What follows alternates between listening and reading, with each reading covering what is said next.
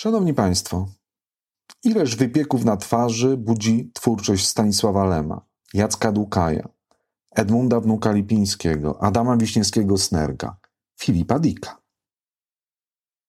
Lecz każdy, kto po tę twórczość sięgnął, każdy, kto chciał przeżyć wraz z Jonem Tichym dwa lata wśród kudli ośmiołów, każdy, kto przeżył kilka dni w Argolandzie razem ze Snirem, każdy, kto wie, czym są sepulki, wie również, jak bliskie są związki fantastyki i filozofii. Drodzy Państwo, gościem naszym jest Marcin Kowalczyk, kulturoznawca z Uniwersytetu Kazimierza Wielkiego, ale również autor powieści science fiction, drugiego spojrzenia na planetę Xi i pętli czasu.